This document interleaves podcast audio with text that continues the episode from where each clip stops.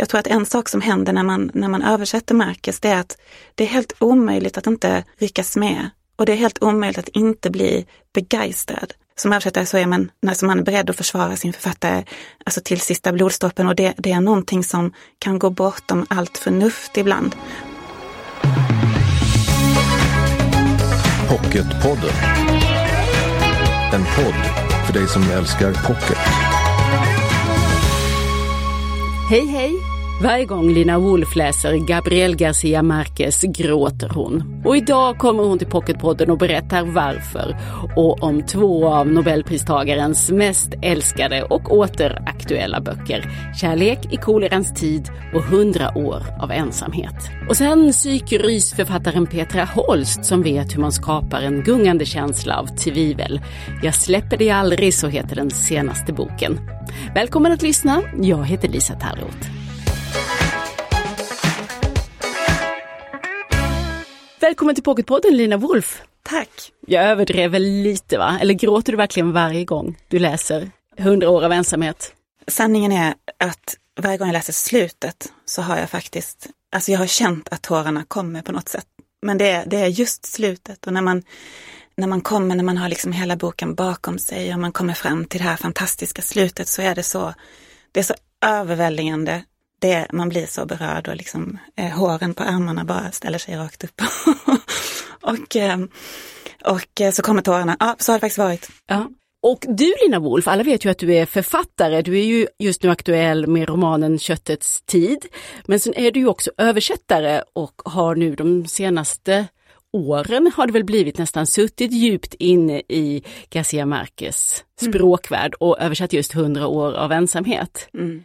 Hur har det varit? Först och främst så var det ju för mig en enorm ynnest att få jobba så på djupet med en så stor författare och som författare som jag har eh, beundrat så mycket och som jag har läst så mycket långt innan jag började skriva själv och som har inspirerat mig att alls börja skriva. Det är ju dels Marcus men det är också andra latinamerikanska författare, den här som man kallar El Boom, alltså den sydamerikanska boomen. Så för mig har det ju varit jag har ju varit oerhört inspirerad av hans sätt att skriva och den här, det här berättandet som är så hejdlöst och som, eh, som jag tänker mig kanske påminner lite om liksom den colombianska djungeln med alla liljor och all, all den här liksom höga fuktigheten och att det blir så, alltså man känner på huden vad som för i boken och hans förmåga att överföra detta. Det är ju någonting som, som, som har inspirerat mig och som, och det är ju så ofta med riktigt bra litteratur, det, det, det gör mest av allt tycker jag, det är att man får självlust att försöka. Mm. Och det är 100 år av ensamhet som kommer i nyöversättning, din nyöversättning här så småningom till våren. Men eh, redan nu så kommer det ju en nyutgåva av Kärlek i kolerans tid. När skrev han den? Um, Kärlek i kolerans tid den kom eh, 1985, så det är nästan 20 år efter 100 år av ensamhet. Garcia Marquez är född 1927 och 1967 så kom 100 år av ensamhet på spanska. Det betyder att han var ungefär 40 då. Ja, han var ju 40 när han skrev sitt mästerverk. Det var ju med den, med Hundra av ensamhet som han fick sitt stora genombrott. Eh, sen fick han Nobelpriset eh, 1982 och sen 1985, alltså bara tre år efter att han fick Nobelpriset, så eh, kom han ut med Kärlek i kolerans tid. Det var ju den bok som han tyckte mest om själv. Varför då? Jo, han sa att hon av ensamhet, sa han, den är mytisk. Alltså den bygger på myter. Och eh, Kärlek i kolerans tid, den, eh, den menar han var mänsklig. Alltså den bygger på människorna. Och jag vet inte riktigt om jag, om jag kan liksom helt hålla med om det, för jag tycker att Hundra av ensamhet bygger ju i så väldigt stor utsträckning också på det mänskliga. Och liksom det mänskliga tillståndet och ensamheten och de här sju generationerna som avlöser varandra och hur vissa saker går igen och vissa saker kommer tillbaka. Men det man kan känna med i Kärlek tid, det är ju att han känns mycket mer, tycker jag, han känns mer mogen som författare. Det är lite lugnare. Eh, Hundra av ensamhet, det är precis som att han, han flyger med sina författarvingar och det är nästan som någon som har upptäckt att den har jättestora vingar och kan flyga jättehögt och det blir så, det blir så energiskt och det blir en sån färd att man ibland blir lite utmattad som, som läsare. Och det tycker jag inte riktigt man känner i Kärlek i kolarens tid, utan där är det, mer, det är lite mer innerligt, det är lite lugnare. Man kan bara avnjuta den mycket mer långsamt. Det, det, är alltså en helt fantastisk bok och den är, i och med att den har ett lite, lite lugnare tempo så, så går den kanske också på, på vissa sätt nästan lite, lite djupare in. Och sen är det en väldigt vacker historia för det är en, det är en kärlekshistoria och det är Fermina och Florentino. Exakt, det är Fermina Daza och så är det Florentino Ariza och det är deras kärlekshistoria som en del av boken handlar om. De träffas som väldigt unga. Han blir väldigt förälskad i henne. Och hon blir också väldigt förälskad i honom, men hennes pappa vill inte att hon ska gifta sig med honom och därför tar hon med henne på en så kallad viaje de olvido. Det betyder liksom en glömskans resa, där hon ska glömma honom.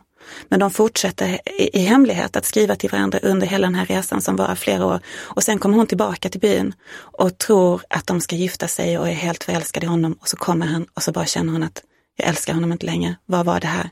Hur kunde jag bli förälskad i, i den här människan? Och så bara säger hon olvidalo, alltså glöm det. Och han blir helt förkrossad. Och sen 51 år senare, när hennes man dör, då kommer han igen och eh, liksom lägger fram sin kärlek en, andra, en annan gång. Så det är en, det är en väldigt vacker och som, hjärtskärande historia.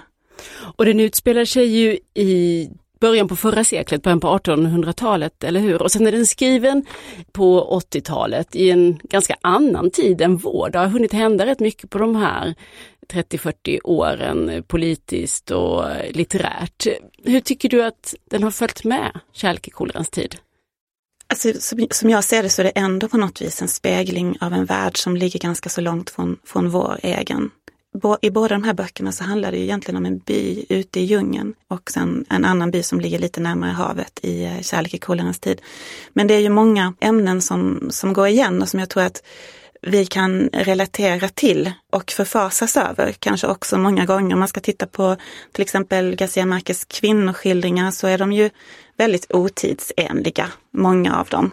Eh, men samtidigt så finns det ju, det finns ju många starka kvinnor också. Även om kvinnan ofta betraktas med så här väldigt så här oerhört manlig blick så finns det också kvinnor som, som är urstarka som Ursula Iguaran som är den här hela släktens eh, urmoder i Hundra av ensamhet. Och man tycker också att Femina Dassa i Kärlek i Kolans tid, hon har också några av de här oerhört starka kvinnliga dragen. Men sen tror jag att det som vi också får från båda de här böckerna och som kanske också kan relatera till en del av vår kanske svenska litterära tradition om inte annat med Selma Lagerlöf och hennes eh, känsla för magi. Det är ju den här så kallade magiska realismen där man har ett till synes realistiskt förlopp som sen är fullt av, av magi. Och i Kärlek i kolans tid till exempel så, så åker ju eh, huvudperson, en av huvudpersonerna iväg några månader till Europa, till Frankrike. Och då, då får han en helt annan blick och sen kommer han tillbaka. Och jag kan tänka mig att det är lite vår blick han får där, vår europeiska blick, vår mer, vad ska man säga, säga, eh, blick som kommer från ett samhälle som har utvecklats och som ligger kanske i framkant inom vissa områden. Och då kommer han tillbaka så betraktar han den, den colombianska byverkligheten med den här blicken och han ser till exempel att på sjukhuset så är man så oerhört skrockfull att sängarna står eh, i små skålar med vatten för att inte sjukdomarna ska kunna krypa upp i golvet. Så att hela den här liksom övernaturligheten den, den blir i, i Kärlek i kolerans tid, den blir också lite alltså kritiserad och satt liksom under lupp på, på ett annat sätt än vad som hände i, i eh, Hundra år av ensamhet. Och som kanske är lättare för oss idag att kunna relatera till också en kritisk blick på, på skrock till mm. exempel.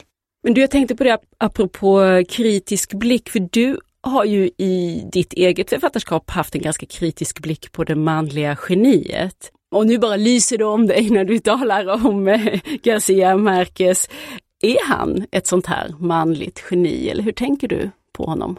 Alltså jag känner mig spontant ganska så eh, skeptisk till, till hela konceptet kring genikulten. Det, det har ju sina rötter i romantiken. Innan det så fanns det ju inte någon, någon geniförklaring att författaren var ju liksom inte en geniförklarad gestalt utan eh, författaren försökte ju bara ofta mest härma tidigare. Eh, och det var ju det det fina, man kunde härma antikens litteratur så var man jätteduktig. Man behövde liksom inte ha något eget i samma bemärkelse. Sen romantiken så blev det det här att man skulle ha något väldigt unikt och eget och därmed så blev man geniförklarad. Så ur en romantisk, eller en, en synvinkel från romantiken så är ju Garcia Marquez i allra högsta grad ett geni för att han har ju något oerhört eget och det är inte bara små droppar som liksom sipprar fram ur en bergvägg utan det här är liksom en, en störtflod av, av egenhet och excentricitet. Men, men jag tror att min personliga inställning till detta det, det är med att, alltså att man ska se upp lite med det där och man ska framförallt inte låta sig um, vad heter det, intimideras eller att man ska inte bli blyg inför detta faktum. Som jag ser författandet så är det ganska jobbigt. Man sitter mycket ensam och ibland går det bra och ibland går det dåligt. Och Garcia Marquez har också sina fläckar. Det är, allt är inte perfekt. Det finns eh, han, liksom hans noveller till exempel. Om man läser dem så tycker inte jag att de är, står ut på något speciellt sätt. Utan han var ju, han var ju en romanförfattare. Men, men som novellist, vilket annars kanske man kan se som lite en, en temperatur på hur duktig man är vad, vad gäller liksom att syntetisera saker och koka ner dem och få dem lite kortfattade den konsten kanske han inte riktigt behärskade. Så att jag menar, även solen har fläckar och sen som översättare så måste man, jag tror att börjar man huka under eh, sin författares eh, oerhörda genialitet, då är man liksom lite rökt eh, för att eh, då blir man rädd och då vågar man inte tolka och då vågar man inte gå in och kanske stycka upp meningar, vilket man måste göra med Garcia Marquez för det blir helt oläsligt på svenska med alla inskjutna bisatser. Man måste vara lite modig, tror jag, och, och, och ta tag i texten. Eh, och då får man inte vara rädd för författaren. Jag brukar tänka att eh, han har nog suttit och svettats precis som alla andra författare och tar det lite försiktigt med, med geniet. Liksom. Mm. Jag hörde dig säga någonstans att eh, översättningsarbetet har fått dig att eh, vidga ditt eget ordförråd, ditt eget aktiva ordförråd. Kan du ge något exempel på det? Finns det några Garcia Marquez ord som har flyttat in i Lina Wolfs vokabulär?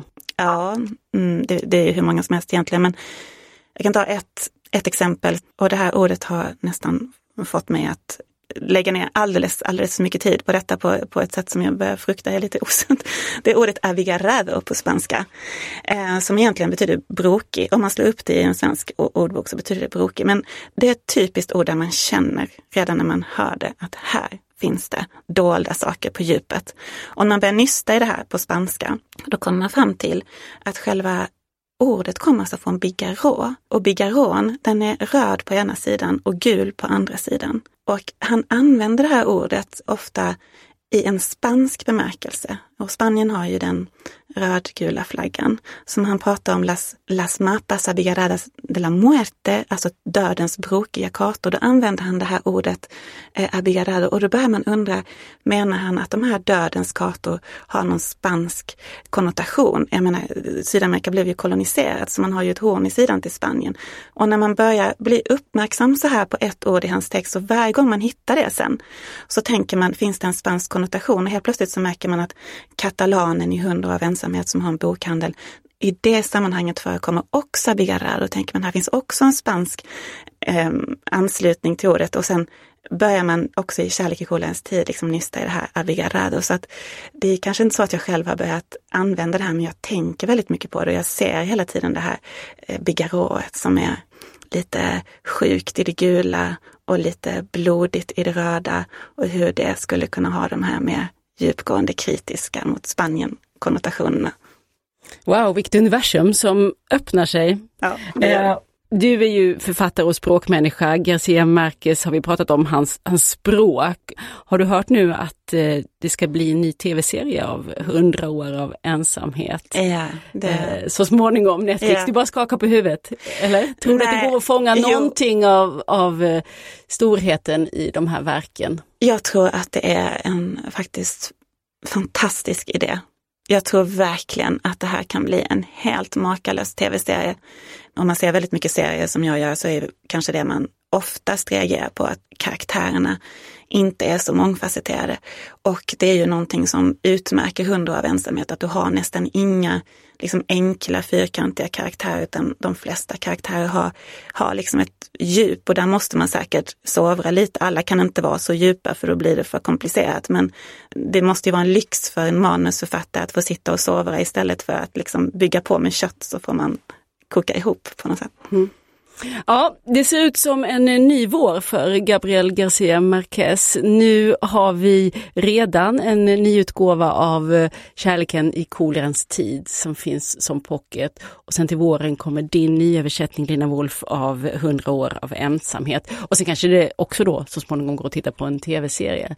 Tusen tack för att du kom hit till Pocketpodden. Tack. Pocketpodden Petra Holst. Hon är en författare som spelar med den gungande känslan av tvivel. Är det jag som håller på att bli tokig eller är det någon som vill få mig att tänka precis detta? I Pocketaktuella Jag släpper dig aldrig så träffar vi de tre barndomsvännerna Anna, Isabelle och Ellen. Alla är i 30-årsåldern och i mitten så snurrar David. Han är gift med Anna, men det räcker ju inte. Ingen vet vad de har den andra i denna psykologiska spänningsroman om otrohet och manipulation. Hej Petra Holst och välkommen till Pocketpodden. Tack så mycket. Alltså jag är ju rädd att jag ska avslöja för mycket om det här gänget så du får berätta, vilka är det här? Anna, Isabelle, Ellen och David? Anna och Isabelle de är eh, barndomsvänner, de har känt varandra sedan de eh, gick i första klass. Och eh, Ellen hon är ju också med lite i periferin men det är inte så mycket fokus på, på just henne. Och sen är Anna gift med David som är en väldigt karismatisk, snygg fastighetsmäklare. Och Anna är eh, helt nedbruten av svartsjuka och har blivit sjukskriven och går i terapi och kan inte släppa tankarna på att han träffar andra kvinnor. Och har överhuvudtaget väldigt dålig självkänsla. Eh, det har hon. Mm. Som, som är kopplat kanske till, inte bara till relationen utan hon har ett bagage i livet. Hon har ju ett bagage ja och eh, försöker ju att eh, lita på David eftersom han hävdar att han är oskyldig. Men hon lyckas ju inte riktigt. Och så finns Isabelle som är donnan. Hon är ju väldigt charmig, hon är impulsiv, hon är singel dessutom. Och så går hon på lägenhetsvisning en dag och där träffar hon ju David då, Annas eh, man, eftersom det är han som har hand om visningen. Och det är där historien tar fart. Du berättade för mig tidigare att den här boken Jag släpper det aldrig kom ur en, eh, en scen som du upplevde själv i ditt mm. Eh, eget liv. Vad var det som hände? Jag var på eh, fest med eh, min man, en massa människor eh, som jag egentligen inte kände. Och, efter ett tag så lägger jag märke till en kvinna som sitter ensam längst ner i lokalen vid eh, högsätet vid det ena långbordet och där sitter hon hela kvällen och eh, hon är helt svart i blicken. Och då frågade jag en annan eh, gäst på den här festen vem det här var och då, då säger hon att, ah, men bry dig inte om henne, det är hon som är så svartsjuk. Och hon har satt sig där, placerat sig där för att hon ska kunna följa sin man hela tiden, se vad han har för sig i lokalen. Och det här satte väl igång tankar hos mig att um, alla känner den där kvinnan på något sätt. Alla vet, känner till någon kvinna eh, eller man som är så svartsjuk. Men sen tyckte jag också att det var intressant eh, att börja fundera kring ifall hon har anledning eller ifall hon bara är paranoid. Och det är ju svårt för mig att bedöma när jag är på en fest. Han gjorde ingenting just där och då, men jag vet ju inte hur de har det hemma bakom eh, eh, hemmets fyra väggar. Det är just det tvivlet som du tar med i boken också, att vem är det som är paranoid egentligen?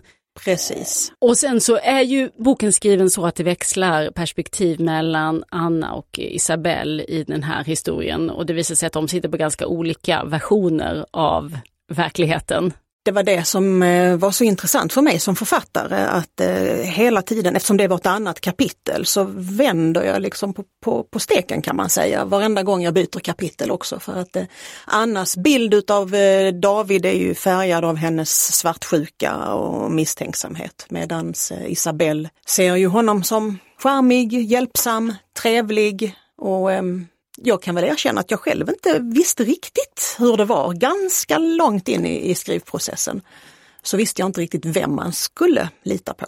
Nej, och både det och kanske sympatierna skiftar ju runt här mellan de här personerna inblandade i dramat. Jag tänker till exempel på Anna där som eh, man lätt kan få för sig är ett offer. Du har skrivit så här, jag tycker det är en sån bra bild att eh, Anna, hon drömmer om att få ha David för sig själv. Som i den där science fiction-filmen vi såg om två rymdresenärer som vaknar 90 år för tidigt. Allt gör de tillsammans, sover, vaknar, älskar, åldras och de är lyckligare än de någonsin var på jorden. Inga distraktioner, ingen som tränger sig på.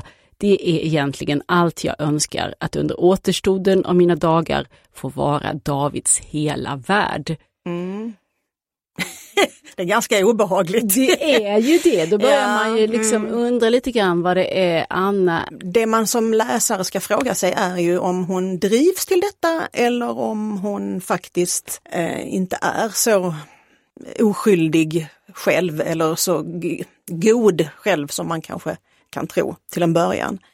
Det, det, det, verkar vara lite din grej det här. Även din förra bok eh, Bländad har ju detta att i ett ganska vanligt eh, vardagligt liv som vi alla känner igen så dyker det upp en manipulatör eller någon som börjar dra i, i trådarna för de andra mm. och alla börjar tvivla på sin egen, sitt eget omdöme. Just det där tvivlet och att inte bli trodd, hur kommer det sig att du har fastnat i att undersöka det? Ja, jag tänker väl som så att det måste ju vara något av det otäckaste man kan vara med om. Att man ifrågasätter sin egen eh, verklighet, sina egna sinnen.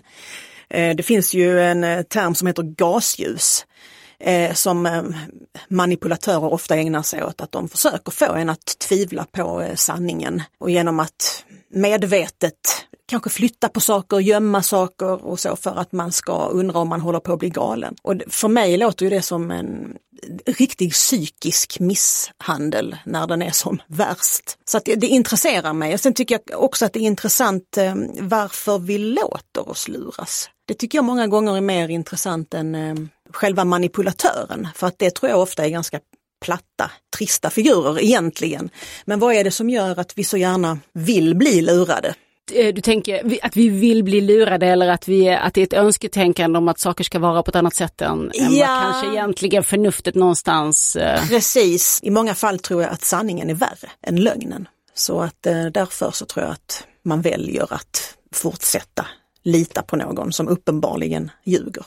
Um, och sen är vi ju, jag sa, sa det att det är ju en vardaglig miljö. Malmö är det som är skildrat här. Och i din förra bok där som jag nämnde, Blenda, där är du i, ute i ett väldigt så präktigt och fint villaområde. Mm. Inte kanske helt olikt det Bjärred som du själv bor i, ja. byn utanför Lund där vid havet. Att, att vara i de här väldigt trygga, fina, välordnade miljöerna. Hur kommer det sig att det är där du har hamnat? Det är ju otäckt just när någonting händer i det vardagliga där man minst förväntar sig. Kontrasten är ju spännande just i den, den fina välordnade medelklassmiljön eh, och eh, de här människorna som ehm, då inte är vad de ger sig ut för att vara men som ändå smälter in. Jag tycker det är kul att jobba med de eh, bilderna.